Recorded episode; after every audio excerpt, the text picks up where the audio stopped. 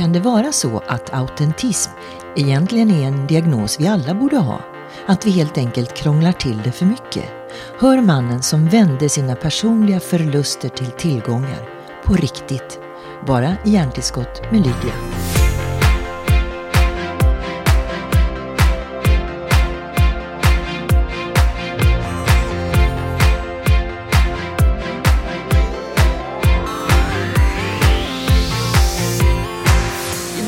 Christer Olsson, jag måste säga, jag blev väldigt glad när du svarade på mitt mejl häromdagen. Och jag upptäckte, för du skrev ju det, att du var i Vietnam. Då tänkte jag så här, åh vad bra för Christer, nu har han äntligen lite semester. ja, tack. Och, och, så var det inte det. Nej, det var det inte.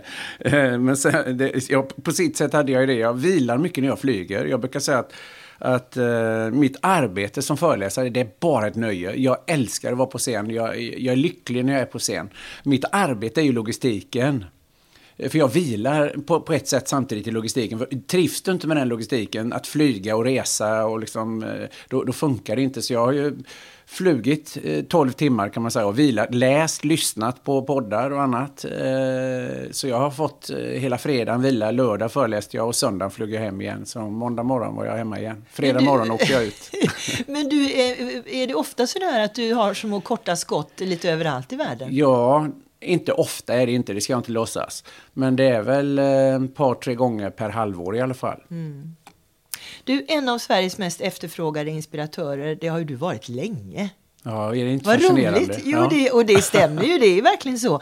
Men jag har sällan hört eh, vad du själv blir inspirerad av, för det eh, varierar ju ju äldre man blir. Ja. Till slut ja, kanske man är så fånig som man eh, tittar på blommorna och blir inspirerad av det. Men om du förstår vad jag menar. Vad, vad, vad fångar dig nu för tiden?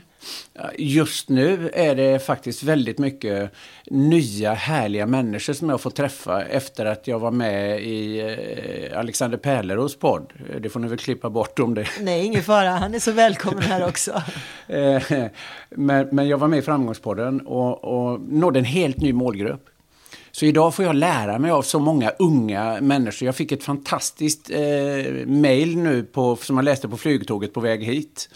Eh, från en tjej som heter, ja det ska jag inte, ja, Victoria. Eh, och hon skrev liksom, jag är beredd att ge vad som helst, jag har bestämt mig, jag vill jobba med det du gör, Hur, jag vill praktisera hos dig. Och, och ha klart för dig en sak, om du inte tackar ja till detta så kommer inte tomten. och, och, så skrev hon lite mer då som gjorde det relevant för mig att faktiskt skriva tillbaka att hör bara av dig så hittar vi ja. en tid. Alltså jag, jag har nått en ny målgrupp, även om jag har varit eh, engagerad väldigt länge så, så nådde jag eh, via den podden eh, en, en helt ny generation.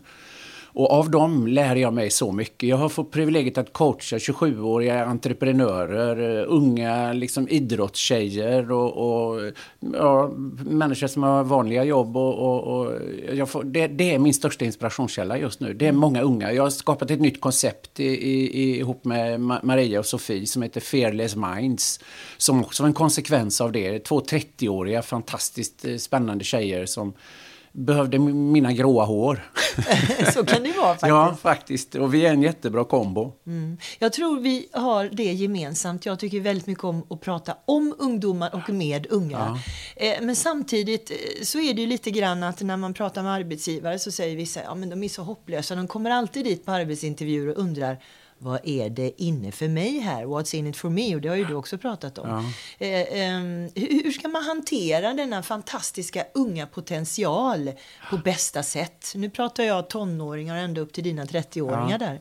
Ja, jag, jag tror ju bara att, att, att möta dem vuxet såklart. Att eh, möta dem som vuxen vuxen. Att, att eh, förklara liksom, att det förhållningssättet, den frågeställningen är fel ställd. Du, du tänker fel, skulle jag säga helt rätt upp och ner bara. Mm. För är det det som är din inställning, what's in it for you, eh, då kommer du och jag inte ha något gemensamt. Så då blir det inget jobb här. Eh, utan här tillför vi värde till varandra och andra i nämnd ordning. Eh, vi är en grupp människor som jobbar här och vi hjälper varandra. Vi går inte omkring och funderar på hur ska jag kunna använda dig, hur ska jag kunna nytta med dig, utan vi funderar på hur kan jag hjälpa dig, hur kan jag hjälpa min kollega, hur kan jag hjälpa liksom min chef, hur kan jag hjälpa våra kunder? Och det är en mindset som du måste ha. Eh, och egentligen så har vi det i grunden. De är bara lurade, eh, hävdar ju jag. Eh, det är liksom ett fräckt säg. Och de är lurade att de tror att det är att visa självförtroende. Och det, det, det är det inte. Kan det vara så att skolsystemet är med och lurar i, i, i samhället idag, unga, hur, hur man ska vara? Ja, det här är en ledande fråga, för jag tycker att många gånger så är inte pedagogiken den bästa och eh, glädjespridandet det bästa i, i skolan av olika anledningar. Nej, Ja, definitivt. Allt Håller du med om det? Ja, det, det är kanske är lite farligt att säga. Nej, men... det är det inte. För allt samverkar ju. Eh, och det här är en fråga som jag är väldigt engagerad i för närvarande. Jätteengagerad i. Eh, för jag hävdar ju att, att eh, vi har grundlurat våra barn. Vi grundlurar dem och säger till dem att det viktiga, säger vi, det är att växa upp och bli stark och självständig så att du klarar dig själv. Och det, det säger jag, det är jag brutal med, det är ett bedrägeri. För att vara människa är inte att växa upp och bli stark och självständig och klara sig själv. Att bli människa är att växa upp och vara så stark och självständig att jag vågar vara sårbar och ta hjälp av andra människor.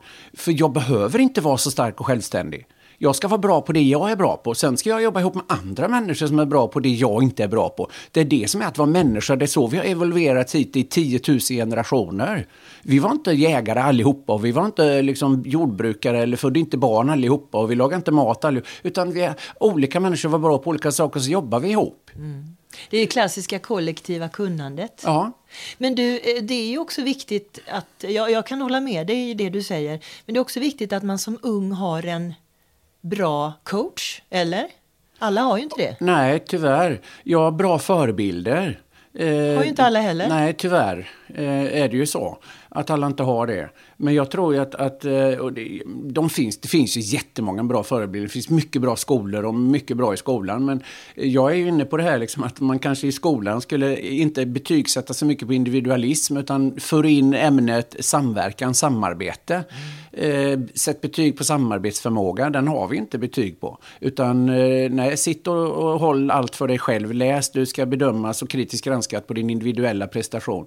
Eh, jag skulle vilja föra in så så här, eh, sen får vi hålla på och jobba ryggen av oss för att få igång liksom bra och fungerande grupper med ganska självklara liksom, tekniker och metodiker. Det borde de lära ut i skolan. Mm. Och det här är väl det som är det mest konkurrenskraftiga idag, just samverkan mellan företag och organisationer ja, ja. och nätet. Allting ja, är gratis som är bra.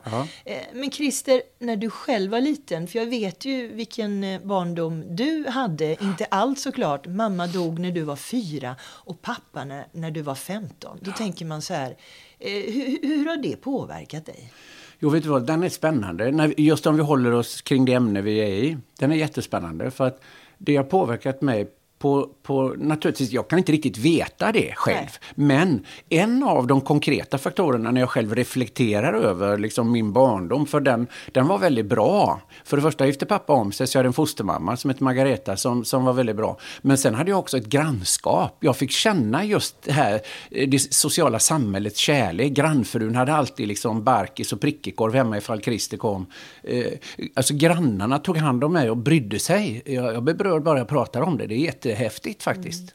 Och detta är Lilla Öckerö Detta är Lilla Öckerö, ja. En ö i skärgården i, på västkusten. I Göteborg, ja, ja. Precis utanför Göteborg. Det, och där, där, där, där lärde jag mig någonstans att lita på människor. Och där lärde jag mig liksom att nej, alltså friska människor vill varandra väl. Eh, och sen finns det en och annan som själv har problem. Men de har problem och de kan bli aparta och de kan bli, liksom, bete sig dumt. Men det är ju människor som har problem. Eh, men friska, sunda människor vill andra väl. Och jag vilar så mycket i det. Och det, det, är ju det som också jag bygger på när jag föreläser. Jag vilar ju att min publik vill mig väl. Vi gör det här tillsammans. Mm. Men Christer, du verkar så otroligt klok och genomsnäll.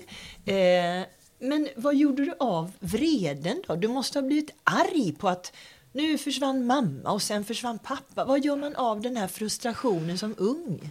Jag jag var nere i diket och vände några gånger. De som känner mig hemifrån Öckerö vet att det, liksom, det var ingen liksom, klok väg. Utan jag har gjort mycket liksom, dumheter som jag tror också hör till ungdomen. Eh, men, men eh, samtidigt var det samma där. Jag var ute och slirade ordentligt. Men då fanns det faktiskt ett antal personer som sa det här skulle Leif aldrig acceptera.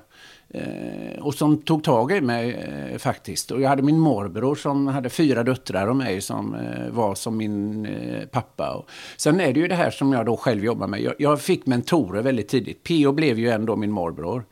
Eh, och sen när jag liksom började jobba så sa han, nu, nu, liksom, nu, nu är inte jag längre, jag, jag, är för, jag är för involverad i ditt liv, du bör ha någon annan rådgivare. Och då satte han mig i kontakt med affärsbekanta, en, en fastighetsman som heter Tore Alexandersson i Göteborg. Och jag fick träffa liksom, eh, äldre kloka män och lära av dem. Och jag fick träffa eh, Sten Allan Olsson eh, och, och andra. Så, som jag fick liksom, tillsammans med PO äta lunch med och sitta och samtala med och så vidare. Det var fantastiskt inspirerande. Så att, men jag tror aldrig att jag fick någon vrede, men jag har ju samtidigt en jätteintressant fråga du ställer. Det kan vara den jag använder när jag föreläser. För jag, är ju, har ju, jag, jag utgår ju från min energi väldigt mycket. Mm. Uh... Och, och, och, det är lite det jag är ute efter för att den är ju så påtaglig varenda gång. Sen har ju du också, det har ju du också sagt tidigare, du, du har dyslexi och kanske en släng av ADHD och allt möjligt. Ja. Eh, sånt som folk skryter om nu för tiden. Eh, men det är en sån genuin energi som är mer än alla diagnoser känner jag i alla fall. Ja, tack. Eh, när jag hör och ser dig. Vet du vad, alltså, jag måste bara berätta. Eh, jag, jag jag har haft mentorer hela mitt liv. Och en av de mentorerna eh, som har betytt mest för mig, han heter Torbjörn Stockfeldt. Han lever fortfarande, en fantastisk man. Eh, professor i pedagogisk psykologi.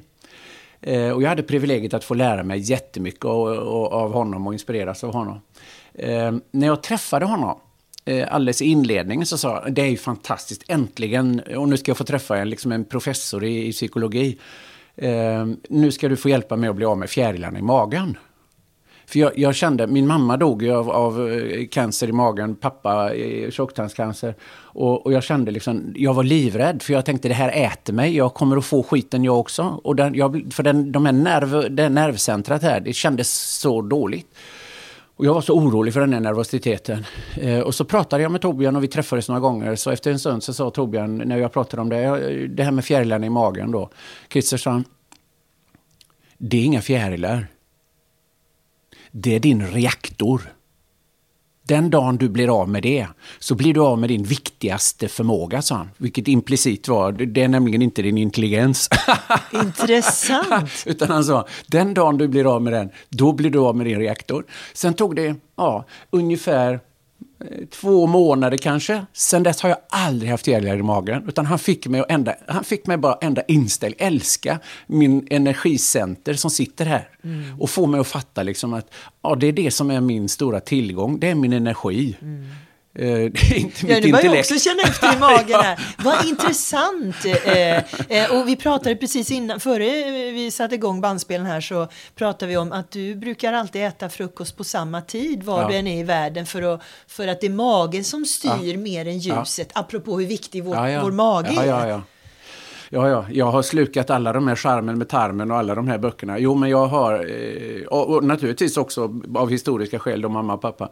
Men jag har verkligen respekt för det här. Jag, alltså jag, det är samma när vi pratar med, med, med människor pratar vikt och så vidare. Mm. Alltså det, det, är vad du äter skapar oerhört mycket hur du mår. Mm. Eh, mat och, och, och, och, välmående är så otroligt kopplat. Mat och dryck och välmående är så kopplat. Och, verkligen. Och, jag har gjort resan fullt ut. Jag vägde 107 kilo. Det kan man ju inte tro när man ser det idag. Nej, inte idag. För idag jag, jag, När vägde du så mycket? Ja, det här är, vad är det, 30 år sedan ungefär.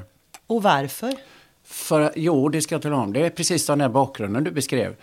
Eh, liten, enkel, väldigt enkla förhållanden. Jag hade en period där vi inte fick ta hur mycket smör som helst på smörgåsen. Och när jag, sen, jag gjorde ju en karriär, jag var satt i ett, moderbolaget på ett investmentbolag, tjänade oförskämt mycket pengar, hade verkligen lyckats ta mig till toppen.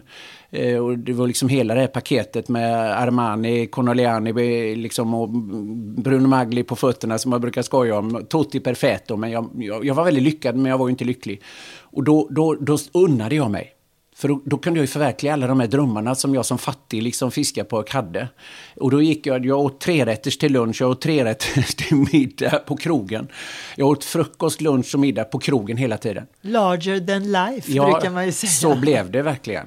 Och jag köpte de där bilarna jag hade drömt om och haft affischer på. Och, och eh, ville verkligen revanschera mig på min bakgrund och uppväxt. Jag, så det här revanschism och kompensationspsykologi, been there, done that. Och när slog du i taket då och kände att det här leder ju ingenstans? Ja, det var då när jag, när det, det, det, var faktiskt eh, min dåvarande mentor som sa till mig, eh, eh, när han såg hur jag, det var en, också en väldigt vis man, Sten-Åke, och, och, han såg mig så sa han, Christer, för jag var ju väldigt otrygg och då gjorde jag det väldigt många människor idag gör. Eh, jag trodde att om jag, om jag får gå den utbildningen, om, om, om jag åker till London, om jag, om jag tar den. Jag var ju personal, informations och förhandlingsdirektör gubevars. Jag kunde ju gå vilka utbildningar jag ville. Det var ju liksom ingen budgetfråga för mig. Eh, och till slut så sa han, Christer, det här börjar bli löjligt. Det du behöver är ingen mer utbildning. Christer, det du behöver det är att träffa en psykolog. Eh, och min inställning till sådana vid den tiden det var, du det är inget fel på mig. Eh, och då sa han något jag aldrig glömmer. Nej, Christer, sa han, det är just det som är ditt problem. Det är inget fel på dig, men det begriper inte du. Nej. Därför borde du träffa en psykolog. För det du letar efter utanför dig själv kommer inte du att leta, hitta det du finner. Han såg ju det här. Mm. Utan du behöver gå in i dig själv. Och så träffade jag en psykolog och hon började förklara de här orsakssambanden. Vad händer med en fyrunge vars mamma dör och, och pappa sen när jag var 15. Och eftersom jag inte var någon skulle jag bli någon. Eftersom jag inte var något skulle jag bli något. Eh, och de, det är starka drivkrafter och de tog mig ända till toppen redan som 30-åring. Eh, och när hon förklarade de här orsakssambanden så blev jag helt förtrollad. För det var ju närmast algoritmiskt. Det var ju liksom otroligt matematiskt, liksom linjärt. Jag tyckte ju att psykologi var flum tills jag träffade henne. Mm. Och hon fick mig att förstå de här orsakssambanden och liksom eh, börja tänka på mig själv ur andra perspektiv. Och det var ju då jag hoppade av och började läsa psykologi. Jag är inte psykolog, men jag läste väldigt mycket och försökte förstå mig själv utifrån hennes lotsning. Eh, då. Mm. Så, så, att det var... Eh. Och ur denna källa av kunskap om dig själv ger du nu så mycket till andra.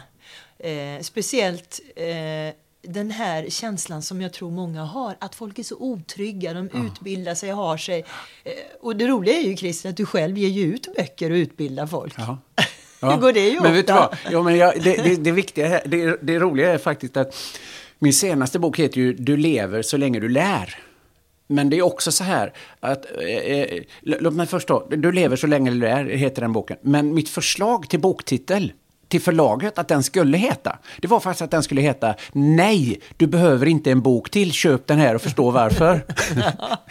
Det var mitt förslag. Men jag förstår att förlaget inte gick med nej, på det. Exakt så. Men det förstod inte jag. För jag tyckte det var en briljant titel. För de sa, Christer, nej, den, den, får du inte. Nej. De som känner dig köper dina böcker ändå, men, men de som inte känner dig köper inte den boken. Så att nej, då blev det, du lever så länge du lär. Men det jag vill förmedla med den boken, det är ju också att du lär dig hela tiden. Du behöver inte gå till böcker, du behöver inte gå en kurs till. Det är de här ungdomarna som kontaktar mig och skriver mejl till mig på dagarna nu. De, de undrar, ska jag gå en master? Ska jag gå Copenhagen Business School? Ska jag liksom gå Harvard? Ska jag åka och lyssna på Tony Robbins? Mm. Om jag läser dina böcker, om jag lyssnar på dig? Vad svarar Nej. du då? Hit, gå in i dig själv. Släpp dig fri. Fundera inte så mycket på vad du är. Alltså det, det, det var ju det Torbjörn fick mig att fatta. Släpp dig bara fri. Och det är det jag gör i mina föreläsningar. Mm. Det är därför det blir energi och närvaro. Plus att det blir, vi skapar dem tillsammans. För de, jag har ju ingen färdig föreläsning. Jag har ingen manus, jag har ingen powerpoint. Utan det händer här och nu. Det är klart att jag har en idé om saker jag vill förmedla och bilder jag vill använda. Men de blir aldrig samma. Det är ju därför jag själv också tycker det är kul. Mm. Men när man är nu i det här rummet så är hela det här rummet fyllt av din energi och det första man känner, det första man känner är att man vill bara göra massa saker. Ja, men tack. Ja, men, men vi har en annan sak till gemensamt förutom vårt intresse för unga och det är att du åkte ut från ditt klassrum av samma anledning som jag gjorde. Nämligen vi, åk, vi åkte ut för skills som vi idag lever ja. på. Nämligen att prata. Ja, visst är det fascinerande. Ja, det, och jag pratade också för mycket när jag satt eh, där. Och, och prata utan att räcka upp handen. Och, och, det var, för man ville så mycket. Ja, exakt. Eh, och den, eh, den klokskapen eh, eh vill jag hjälpa till att förmedla. För ja. det är precis det mina unga tonåringar och ja. andra. Ja. Vad ska jag göra? Jag vet inte vad jag ska göra, men vad gillar du? Och vad är du bäst på? Ja. Men det funkar ju inte riktigt i, i um, det är inte riktigt etablerat och uh, helt okej okay att resonera så när man ska söka jobb och så. Så tänker inte alla arbetsgivare. Nej, men fler och fler. Och, och när du påverkar, du har, en, du har så att säga en, ett, ett fora där du sänder budskap som jag respekterar mycket. Jag, jag har ett fora Alltså, när vi blir tillräckligt många så når vi någon form av en kritisk massa. För alltså, fler och fler fattar ju det här. Va? Vi fattar liksom att det här är fel. Eh, vi behöver eh, lära av och med varandra. Anders Hansen har gjort jättemycket gott. Verkligen. Egentligen var det, började ju med Harari och boken Sapiens som, som jag tror väldigt många fick upp ögonen för evolutionspsykologi kring. Och liksom vår historia och sen skrev han ju en bok om nuet och sen en bok om framtiden. Så att liksom den trilogin tror jag har betytt oerhört mycket för människor att förstå eh, mera kring liksom vad vi egentligen är för några i den miljö vi är. Och vi är mycket mer savann än vad vi fattar. Ja, det är vi. Och, och jag pratar mycket om det här att eh, alltså, böcker, skola, eh, traditionell utbildning, alltså det, det, den är inte mätbar i ett evolutionstidsperspektiv, tiden vi har haft skola, utan vi har lärt av och med varandra med verkligheten som pedagogiskt verktyg. Mm. Och så har vi reflekterat kring lägerelden och så småningom kring matplatsen. Liksom, det gör vi inte längre. Och det är det som är min stora kritik och sorg idag, att människor inte reflekterar. Men, men, det är ju det lärandet, och det lärandet kan alla, oavsett vad vi har för bokstavskombinationer eller och, och i flocken. Jag pratar ju mycket om det. Alltså ADHD-människor var perfekta jägare, lite väl järva, hittade nya jakt och boplatser. Ja. Eh, dyslektiker var dessutom eh, bra på att se mönster andra inte ser. Mm. Det var inte dumt av en liten Greta som satt där mitt i och trula och inte lät sig påverkas av alla känslor. Alltså, eh, och, och, det var inte dumt av en fegis som salta och sylta ifall de där järva jägarna inte kom hem. Alltså vi begrep rent fysiologiskt att vi behöver vara olika för att den här flocken ska vara funktionell och överlevnadsduglig. Man behövde inga liksom, psykologcoacher som skulle coacha gruppdynamiska eh, övningar för att fatta olikhetens komplementära samverkan. Och... Det såg man direkt. ja, ja, det behövs inte. Nej. För vi fattar det. Vi, det gynnar vår överlevnad att vara mångfald. Mm. Äldre, men, yngre, män, kvinnor, allt. Men du, vi som då är ju i den gyllene medelåldern då här. Eh, jag vet inte hur du upplever det, men är vi inte mitt, mitt i någonting som händer och håller på att byta? Alltså, man går från det här, eh, nu vågar jag knappt säga paradigmskifte för det är så uttjatat, men eh, man ska eh, förhålla sig till detta du beskriver och samtidigt vara i en miljö där alla andra är som vanligt. Eh, och det blir ju väldigt svårt. Eh, det blir ju en svårrörlig koloss på något sätt. Förstår du vad jag är ja, ute ja, efter? Ja, ja, Hur angriper man detta? Ja, jag tror kommunikation, kommunikation. Jag tror på idén om att prata med varandra. Jag tror ju eh, i alla sammanhang, ju fler vi är som pratar om de här frågorna och påverkar varandra.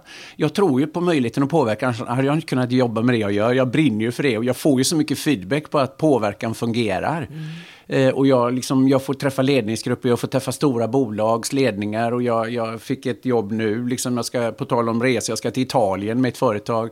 Eh, och, och då, då vill de liksom eh, ha ett visst program och det, jag kommer att få en jättestor inflytande över liksom, eh, och, och vad är det de vill, vill ha hjälp med generellt? I det här fallet så handlar det väldigt mycket om att de, de var på en föreläsning och, och, och förstod, fick en aha-upplevelse kring det här att potentialen finns redan på plats. Mm. Släpp dem bara fria. Eh, släpp dem bara fria. Eh, ha inte så mycket rollmodeller, ha inte så mycket arbetsbeskrivningar, utan gör mer syftesbeskrivningar. Eh, jobba med idé. Jag hade en hel dag med en ledningsgrupp igår då vi pratade om idébure, alltså själva idén. Har du fattat idén? Sen ska du ju vara dig själv, den människa du är. Oavsett om du ska vara ledare, säljare, servicemänniska, läkare eller något annat. Utan, men det är vissa grundläggande idéer man behöver liksom gå tillbaka till och fatta. Och därför säger jag ju liksom att framtiden finns i det förflutna. Mm. Berätta. Ja, jo, vi behöver hitta tillbaka till de grundsanningarna. Mm. Att, att, att en ledare eh, behöver våga vara sårbar. Alltså när, när en ledare kliver in i ett rum och är expert, då lutar ju som de andra tillbaka och säger liksom fine, men du är ju expert, liksom ta hand om det. Men en ledare som kliver in i ett rum och säger ärligt talat mina vänner, alltså nu står vi inför en situation. Jag har aldrig liksom löst det här problemet för jag har ingen aning om hur vi ska lösa det här. Så då, befriande att höra det. Ja, och, och förstår du vilken kraft han frigör i sin ledningsgrupp, mm. eller hon? När, när hon säger liksom att det här vet jag ingenting om hur vi ska, jag har aldrig ställts inför det här för, det här behöver vi hjälpas åt. Då alla kavlar upp, alltså den naturliga reaktionen på det är ju kavla upp ärmarna, det här löser vi tillsammans. Mm. Men när jag kliver in i rummet och säger att ja, nu ska jag liksom ta lid på det, jag måste ju skapa trygghet och, så att de får uppfattningen av att jag vet vad det handlar om och så ja, då lutar de sig tillbaka och tycker att ja, det är bra, liksom, hen vet ju eh, vad vi ska göra, så säg bara vad vi ska göra så gör vi det. Och hen har ingen aning, utan går hem och har ångest på natten. Mm. Tyvärr känner jag igen dig i många företagsbeskrivningar, precis ja. det du säger. Ja, Men du, du som rör dig så mycket mellan olika klasser, eh, och då menar jag både inom företagskulturen och eh, eh, den privata sfären. Du är engagerad i projekt i Sydafrika och du gör så otroligt mycket. Vad är det som bekymrar dig mest? Eh, du, du är ju ute på en mission känns det som. Det är ju fantastiskt med ditt budskap. Men någonstans går du väl in i väggen du också och känner det här är svårt. Nej. Nej. Nej, vet du vad? Ja, ja, det är klart att jag gör. Jag tycker det, det, det är så många... Jag säger så här, alldeles för många människor krånglar till alldeles för mycket, alldeles för ofta, alldeles i onödan. Nu är vi tillbaka där igen. Ja, ja. det är det. Det är där jag har min stora liksom, bekymmer. Att uh, gå fram och säga till människor, nej, nej, du duger som du är. Var inte så bekymrad. Koppla av, släpp dig fri. Släpp in människor. När gav du själv någon gåvan att, att, att, att, att få känna sig behövd genom att be om hjälp senast? Mm. Du är inte ensam. Alltså, det största gisslet vi har just nu, det är att så många människor går omkring och känner sig så ensamma omgivna av människor.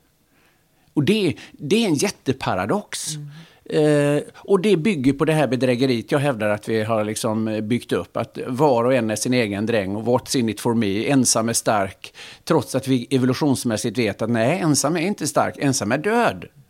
Och där, du, vill du själv om hjälp då när du behöver? Ja, ja. Det är som jag nämnde innan vi spelade in här, att jag, jag är bra på att lyssna på rådgivare. Jag läser och lyssnar och, och, och eh, frågar frågar människor som jag tror kan. Mm. Hur ska jag hantera det här? Hur tycker du jag ska göra med det här? Och jag inspireras av mina kollegor som föreläsare och, och, och eh, jättemånga människor. Du har varit en inspirationskälla. Och, Nej. Jo då. Ja, ja, jag tycker du, för jag tycker du känns äkta i mm. media så att säga. Vad jag, roligt, hör ni nu vad Christer säger? ja, för det är det, jag letar efter, äktheten. Mm. Och den, är, den, den påverkas varenda dag. Det gäller att, att vara ståndaktig ja. mot, mot det som påverkar äktheten. Ja. För det är autentismen. Och det är den, oh, alltså, vilket underbart ord. Fortsätt. Det, ja, autentismen är liksom, ja den är underbar. Och det är underbart för att när, när du är autentisk, när du är sann, du behöver, det är det jag försöker få människor, för du behöver inte vara så himla bra. Bara du är sann. Du är bra. Du är bra på massa saker, men du är inte bra på allt. Självklart inte. Det är inte jag, det är ingen annan heller. Jag får hjälp av en massa människor. Jag har Kristina som hjälper mig med ekonomin, jag har Gabriella som hjälper mig med böcker, jag har Karina som hjälper mig hemma, jag har mina söner, Gustav, Viktor och Ludvig som hjälper mig med ett antal saker. Jag, jag är fullkomligt, jag hade inte klarat mig utan aktiv hjälp av dem. Mm. Eh. Tänk att det ska vara så svårt att känna just det du säger, att eh, jag är bra, men jag är det på grund av olika faktorer ja. som hjälper till. Ja, för mig är det helt ofattbart. Men du, vad är nästa steg då? Det kanske, eh, du, du verkar ju hela tiden vara inne i den här eh, sfären av budskap. Men, men går det att utveckla eh, Christer ja, Olsson 2.0? Ja, att få träffa dig och nå en större målgrupp via ett sånt här media till exempel. Eh, för att det är det jag brinner för. Jag vill möta fler och alltså, träffa fler och påverka fler. Eh, sen är det ju det att min metodik är ju den att jag jag lär ju mig, jag försöker vara observant på det du sa, nämligen att jag inte lever i en kokong. Jag var i ett sammanhang i förra veckan där jag sa, eller att ni pratar om människors eh, beteende och ungdomars beteende och det är gigekonomin och det är alltihopa. Eh, och, och alla ungdomar måste liksom skaffa sig en högre utbildning och de måste vara techutbildade och så vidare. Men får jag berätta en historia? Jag vet inte hur lång tid vi har på jo, oss. Jo, det kanske på då var det så här att några dagar innan jag var på den här avancerade liksom, eh, konferensen eh, så, så eh, skulle jag vara på Karolinska sjukhuset. Och eh, vi hade meckat med tiden för jag skulle ha eh, en, en annan en möbelkedja klockan 11 på eh, eh, Hammarby strand. Så, men vi hade meckat så jag skulle ha dem mellan halv nio och halv elva och så skulle jag precis hinna dit till elva. Eh, för de ville verkligen eh, ha en, en, dragning. Och eh, då, då eh, så, så, så, är jag på hotellet. Eh, och ringer jag på morgonen och ska förboka en taxi. Så säger jag, jag vill till Alfred Nobels eh, allé 10 till Karolinska. Jaha, säger tjejen eh, i växeln. Eh, är det i, i, i Huddinge eller i, i eh, Solna? Ja, det är väl Solna jag ska till Karolinska. Ja, men det finns en Alfred Nobels allé i Huddinge också. Eller Haninge, jag kan inte Stockholm. Nej. Är det, Det Haninge där- eller det Huddinge? där- det där Nej. Ja, men någon ja, av dem. ja, Eh, som en skojar, det finns det samma adress liksom på de två? På, ja, det gör det faktiskt, så. Ja, Herregud, så jag. Eh, ja, du ska nog ta reda på vart du ska, säger hon. Eh, så, har du tid att vänta? Ja, sa hon, jag väntar. Så jag gick in i telefonen i mejlen och, och konstaterade, herregud, jag- jag ska till Haninge. Och då säger hon, då ska du nog åka nu. Ja. då ska inte du förboka, då ska du åka nu. Eh, och hon räddade ju min dag. Så jag sa, vad heter du? Liksom, jag måste få skicka dig en, en blomma och en bok. Eh, för jag hade ju stått i Solna och undrat, var är de? Och de hade stått där eh, med allt roddande och undrat, var i hela friden är han? Och när jag sätter mig i taxin sen, så fick jag en sån flashback. Och det är så här min hjärna funkar. Då, då funderar jag på, nu sitter jag här. Hur många, hon räddade min dag jättemycket. Eh, hur många människor har jag servat av redan idag? Och, och då spårar jag ju ända bak. Jo, de arbetarna som byggde traktorn som och, och, bonden plogade åken med. Ja. för att så, så säd som han sen skördade med skördetröska gjord av andra arbetare. Och sen skickade han säden med en lastbil som gjord av lastbilsproducerande arbetare.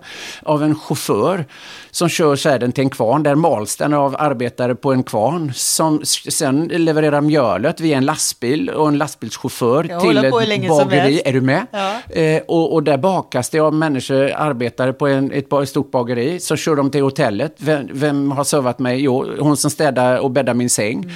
Receptionen. Eh, och, och nu sitter jag i en taxi, byggd av Volvoarbetare på Hisingen. Körd av en taxichaufför Ja, på en väg. Är du med? Och, jag, och sen kaffet eh, plockat i Sydamerika. Hela, och, då, och hur många av dem är akademiker och tech, eh, behöver high-tech-kunskap? Jag, jag tror jag fattar poängen Christer faktiskt. Och det, det föranleder mig, när du, när du börjar prata om taxi och vart du skulle, så föranleder det mig att prata om en, en annan boktitel som du har, som är den senaste boken tror jag. Vart är du på väg och vill du dit? Nej, det är faktiskt min första bok. Är det din första bok? Ja. Men den är ju hy- hyperaktuell igen Ja, ja. då skulle jag vilja Ja, ja, säga. och det- det blir- och, och den frågan kommer ju nu till dig Christer. Vart är du på väg och vill du dit? För, för jag menar, allt är väl inte självklart för dig heller fast du lär Nej, ut allting. Jag är, jag är på väg. Min, vet du vad som är min dröm? Det är att kunna lyckas med det som Mia Skäringer har lyckats med. Fast med mina budskap. Globen. Nej. Jo, det är Eller liksom... nej, säger jag. Ja, menar jag. Ja. Det är min dröm. Alltså att, att nå fler med mer. Det är, det är, den är så enkel. Jag vill nå fler med mer. Idag har jag en öppen föreläsning här i Stockholm. Då har jag 250 eh, människor som lyssnar på mig på, på Biograf Sture. Eh, och 250 underbara människor.